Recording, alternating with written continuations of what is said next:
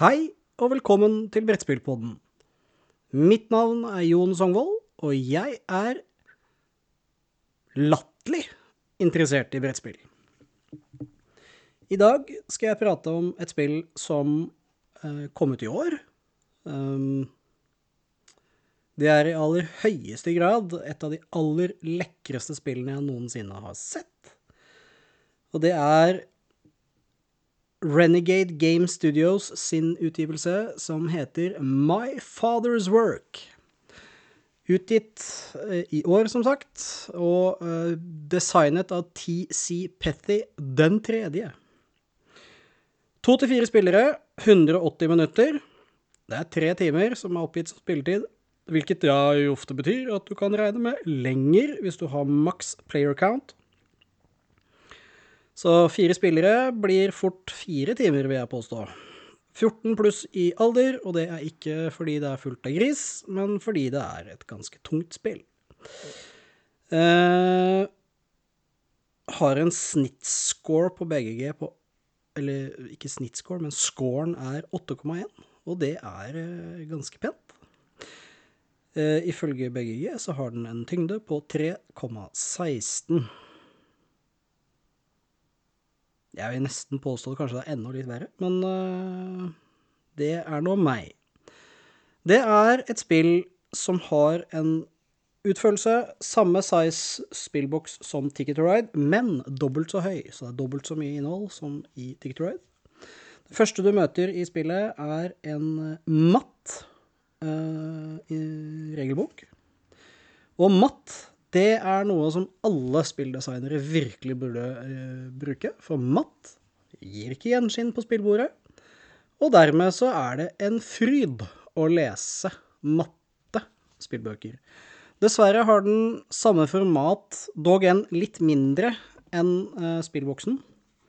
Så det mangler fem centimeter på hver eh, side fra å være full on Nemesis-spillbok. Eh, Men den har fortsatt et veldig dumt format, for den tar veldig stor plass på bordet. Bare å legge den fra deg er liksom nesten like stort som spilleska. Eh, det neste du møter i boksen, er en utrolig lekker ringheftet Village Chronicle. Og det er jo sånn vi har sett de senere årene at mange designere har begynt å gå for. At de har eh, hver seg spillkartet eller eh, deler av storyen eller sånn i sånn ringheftet bok med veldig fine, tykke ark.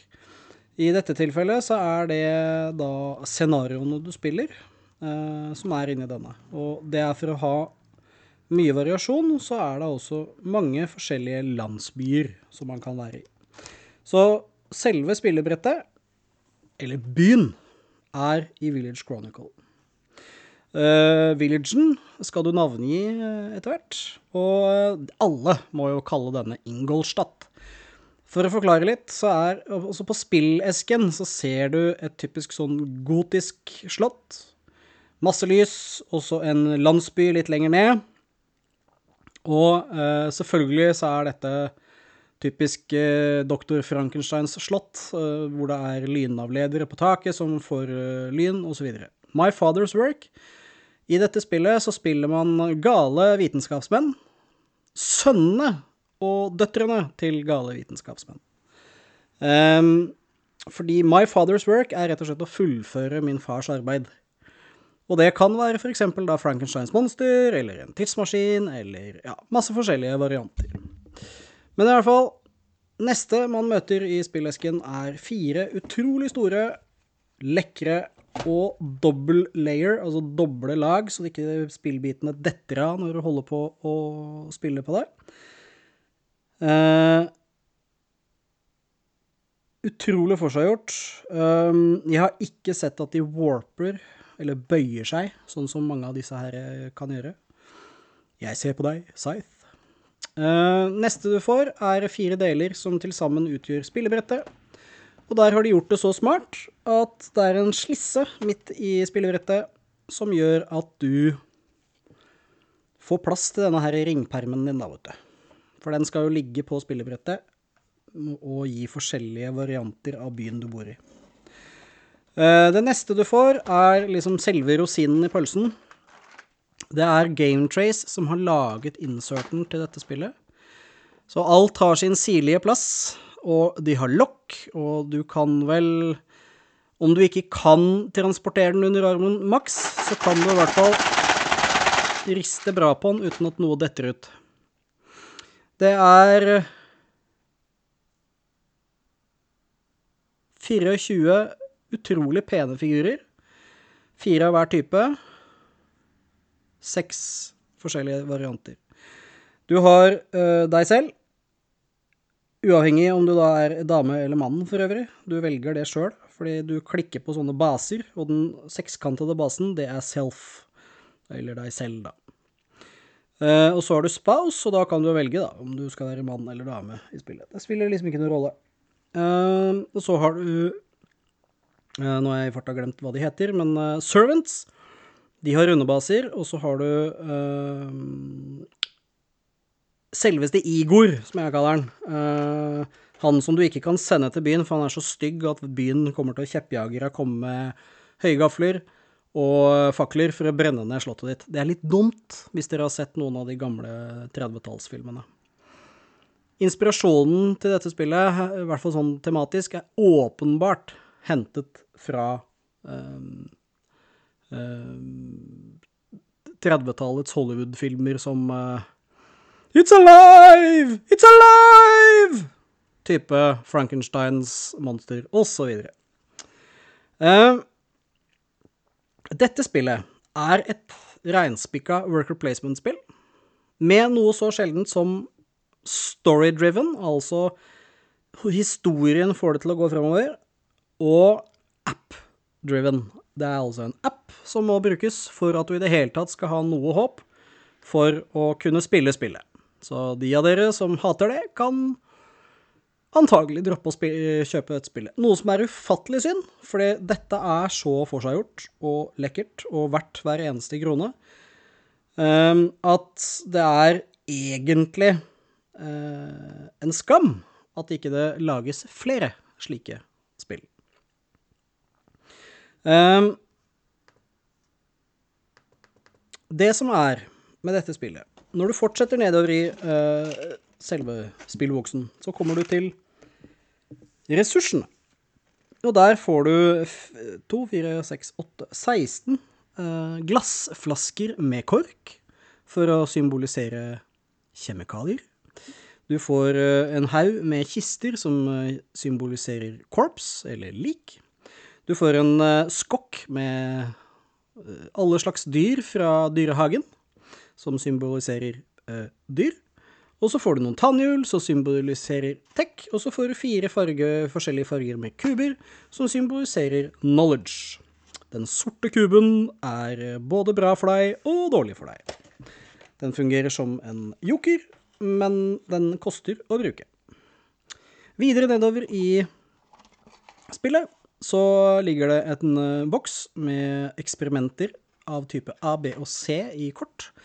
A-eksperimentene er nesten sånn at du kan gjøre det i første runde, øh, mens C-eksperimentene kan du regne med at det tar litt tid før du får til å gjøre, fordi det er større krav før du kan lage de. Uh, eksperimentene er selve rosinen i pølsen på dette spillet, fordi du bruker workers for å hente goods, kjemikalier, corps, knowledge osv., men du bruker uh, eksperimentene til å komme videre, så du kan fullføre eksperimentene som din far påbegynte. Litt avhengig av hvilket kort du har fått, så er det ganske mange forskjellige varianter, men eh, jeg ramser opp. Teleportation, altså du kan bli Star Trek. The Creature, det er jo selvfølgelig da et sånn slags eh, Frankenstein-monster. Uh, det Nyctalope, det ser ut som en robot av noe slag. Også lycantropic strength, det er jo selvfølgelig da uh, varulvens styrke. Immortality, udødelighet. Love potion, hvis man er noen ekstra kjær. Det er litt, kanskje litt dumt å overta sin fars kjæreste. Uh, vi får håpe vi bruker love potion på noen litt lenger ned i alder, Uh, som er nærmere meg selv. Time Machine, som Symbolsk, pussig nok, ser ut som en uh, rød tardis hvor styremekanismen er på utsiden istedenfor på innsiden. Så den er større på utsiden og ikke på innsiden. Også en Giant Spider Chariot, som er typisk sånn Wild West, uh, hvis dere har sett. Uh, Wild Wild West med Will Smith og Har glemt hva han heter, men han heter uh, Otto i Colvon, da. Kevin Klein heter han. Um, alt er forseggjort i dette spillet. Det er helt påfallende uh, mye som er gjort ut av uh, dette. I tillegg uh, så har du da flisene som man bruker til å oppgradere godset sitt med i bånn av esken. Og så kommer selve rosinen i pølsen. Fordi hvis du har spilt Agricola, som er et typisk worker placement, og for å forklare hva worker placement er for de som ikke er kjent med sjargongen, så betyr det å ta sin mann og plassere den på en plass, og ta tilbake hva han nå enn produserte. For eksempel korn. Uh, I dette spillet finnes det ikke korn, og det går heller ikke an å blokke plassene sånn som det går an i Agricola, noe som gjør spillet ekstremt mye morsommere med en gang. Hvis noen andre har tatt plassen du skulle til, så kan du gå dit og betale en coin. Det gir uendelig mye mening, du er litt seint ute, du var ikke førstemann til å ta den, men du får fortsatt lov, men det koster deg en coin. Utrolig mye smidigere mekanikk enn at du sitter i Agricola og blir blokka fordi at han som alltid starter runden fordi at ingen tør å ta første spacen, alltid starter eh, å ta den viktigste ressursen du trenger. Caverna Kaverna er noe mindre nådeløst enn som så. Men uansett en annen ting som jeg også liker veldig veldig godt med worker placements, er at de er ganske lette å forklare. Og setupen på det spillet her er sånn at det lages ut ifra appen. Du starter appen, og du leser opp en story, uh, og det er utrolig smidig å holde på med. Men nå har jeg snakket varmt om spill og worker placement og story-driven, og det er utrolig kult med et worker placement-spill uh, som er noe mer. Det er på en måte en story som foregår i dette her. Og ulempen med spillet Den ene ulempen jeg har nå Jeg kan ikke si noen ting på selve spillmekanikken. Jeg kan ikke si noen ting på utstyret oppi boksen. Jeg kan ikke si noen ting på de tre små eskene som er de forskjellige scenarioene man spiller mange ganger, fordi det er åtte forskjellige slutter på de. Eh, men jeg kan si noe på at appen har ekstremt mye tekst. Det er helt påfallende mye tekst. Og det verste er når de en gang lager en app hvor de attpåtil leser opp starten på scenarioet for deg. Det er en mann som det Eller for så vidt, du kan velge. Mann eller dame. Men når du da kommer til bånn der, så må du begynne å lese selv.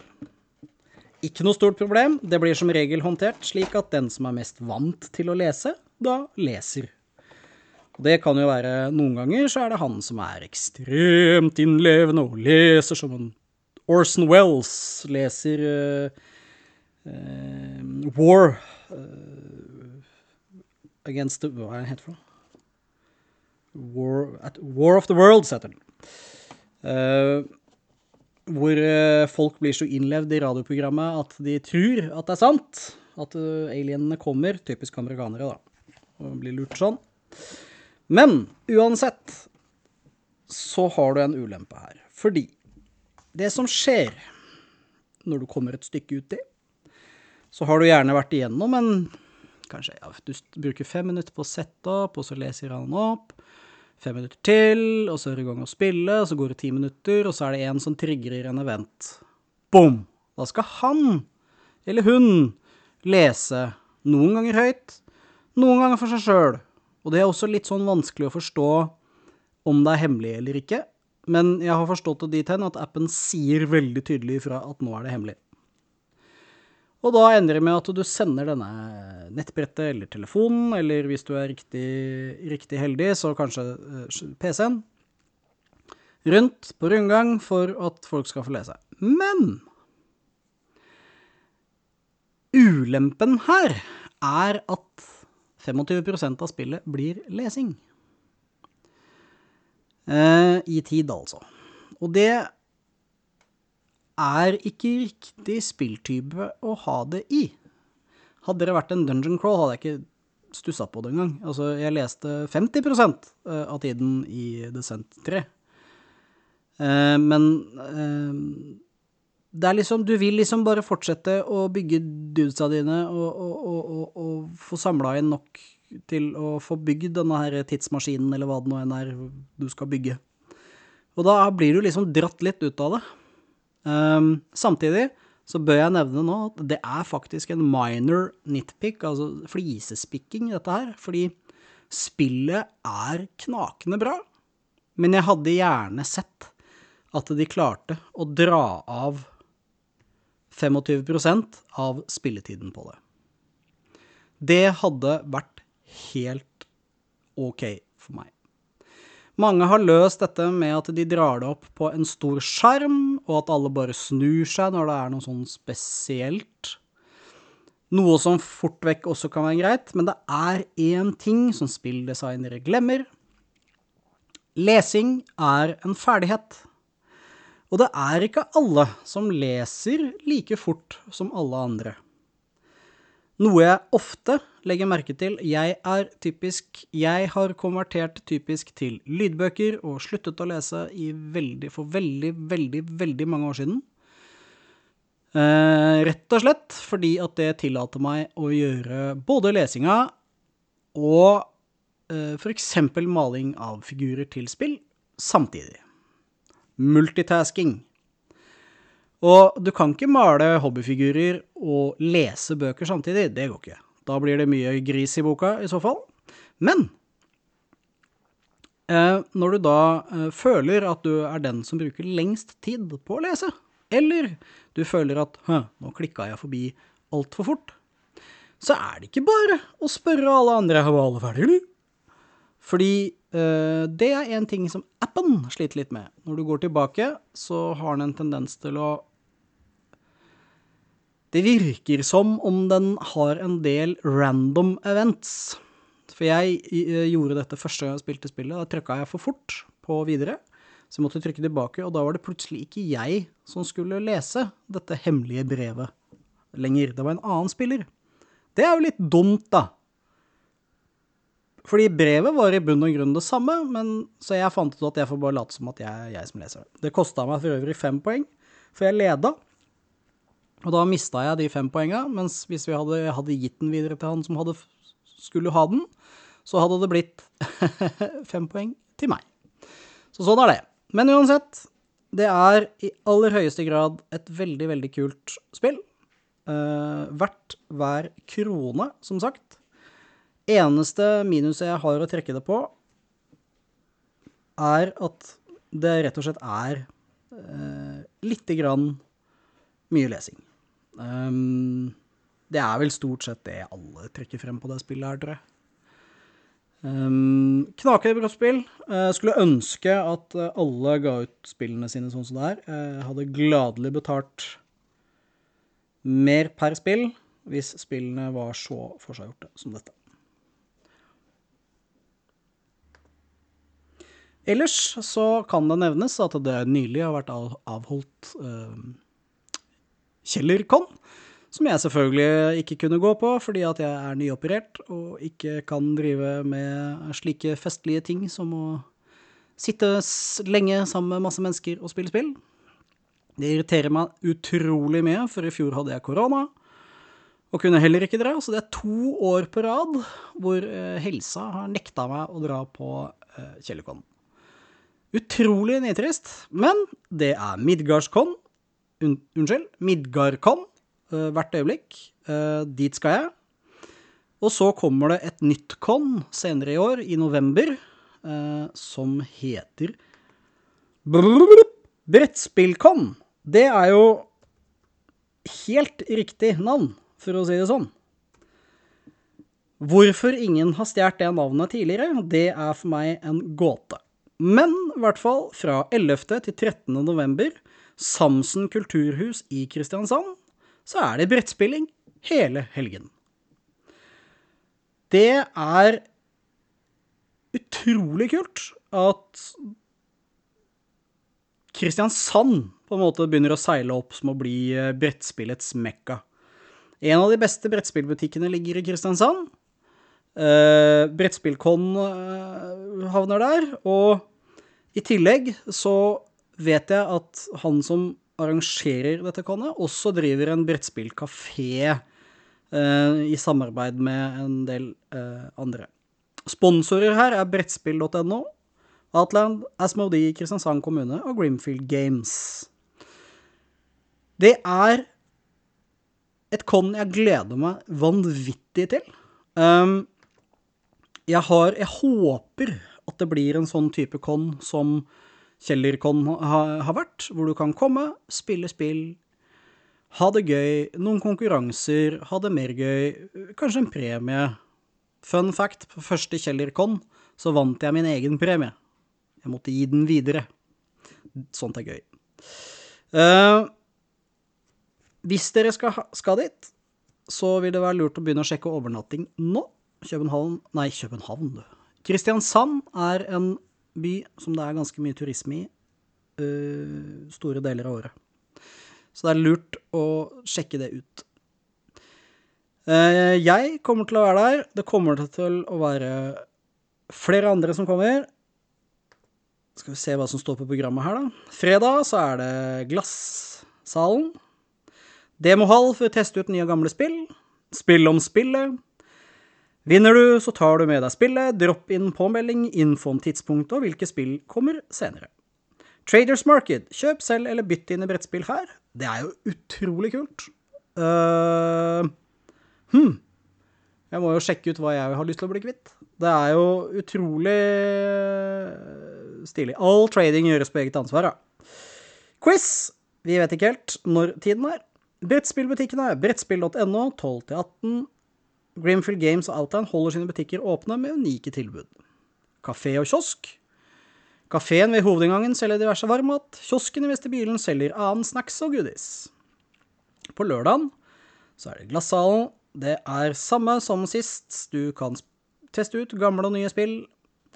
Og så er det turnering i King Domino. Det betyr at jeg må børste av min King Domino-skills, for jeg er jo han som spilte Do King Domino feil de ti første gangene. Jeg skylder på regelboka, ikke noe annet, men uh, det er nå så. Uh, på panelshowet er det panelshow med meg og Takras og Elliot. Jeg vet ikke hvorfor jeg kaller han Takras, han heter jo selvfølgelig Takras. Uh, hvor vi skal snakke om brettspill som hobby og hva som beveger seg der. Og til slutt skal de dele sine topp fem brettspill. Høres ut som en utrolig kul greie. Jeg får lage den lista samme dagen, fordi topp fem brettspillene mine endrer seg like fort som andre skifter truser, men det er nå så. Um, og så er det quiz. Uh, så er det Traders Market igjen. Så er det brettspillbutikkene. Og kafé og kiosk.